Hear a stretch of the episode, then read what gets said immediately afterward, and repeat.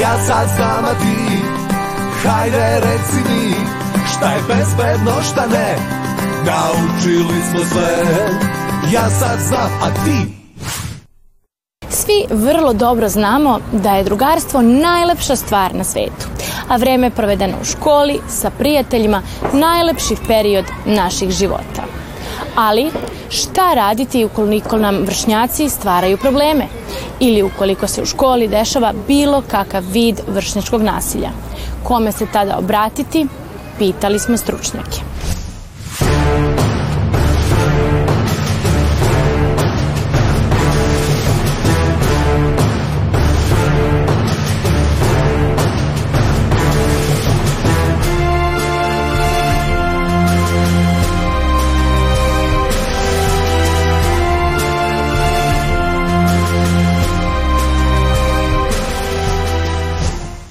Gde se sve ispoljava vršnjačko nasilje?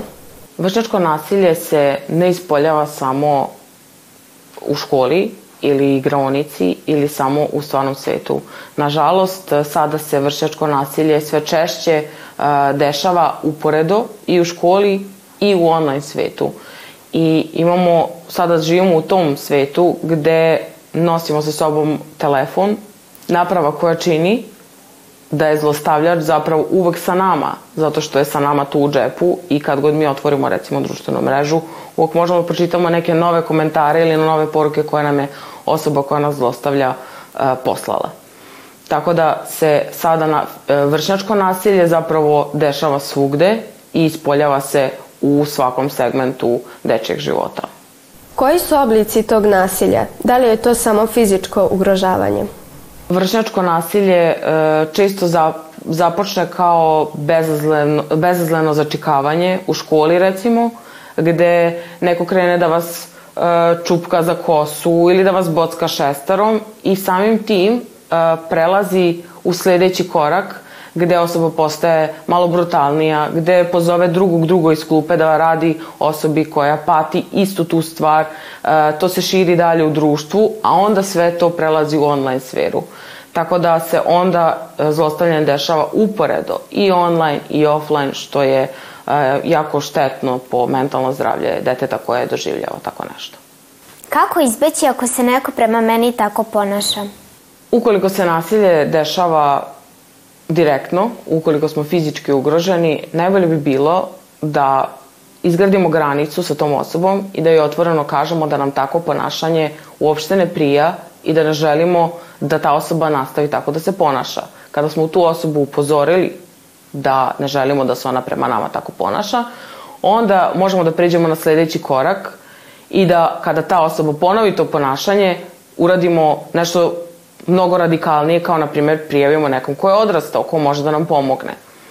E sad, ukoliko se to nasilje dešava online, uvek bi bilo najbolje da se poruke, komentari i sve ostalo što je dokaz tog zlostavljanja screenshotuje i sačuva u telefon kako bi se moglo pokazati nekom odraslom ko može da nam pomogne. Naravno, taj screenshot ništa ne vredi, jer ta, a kada ta osoba promeni, recimo, svoj username, odnosno svoje ime na profilu. Tako da, u tim slučajevima najbolje bi bilo da screenshotove, odnosno fotografije svog ekrana, uvek uparite sa linkom tog profila kako bi imali zapravo dokaz da je ta osoba to nešto počinila. Kome možemo da se obratimo u slučaju vršnjačkog nasilja? Ukoliko ti se dogodi da si žrtva vršnjačkog nasilja, ne treba da osjećaš sram uvek možeš da prijaviš to odrasloj osobi od poverenja, bilo da je to recimo tvoja starija sestra, tvoji roditelji, recimo nastavnica, razredna. Kada dete doživljava nasilje, treba da zna da uvek može da se obrati školskom pedagogu i školskom psihologu koji su tu u školi kako bi pomogli detetu koje je bilo koju vrstu problema.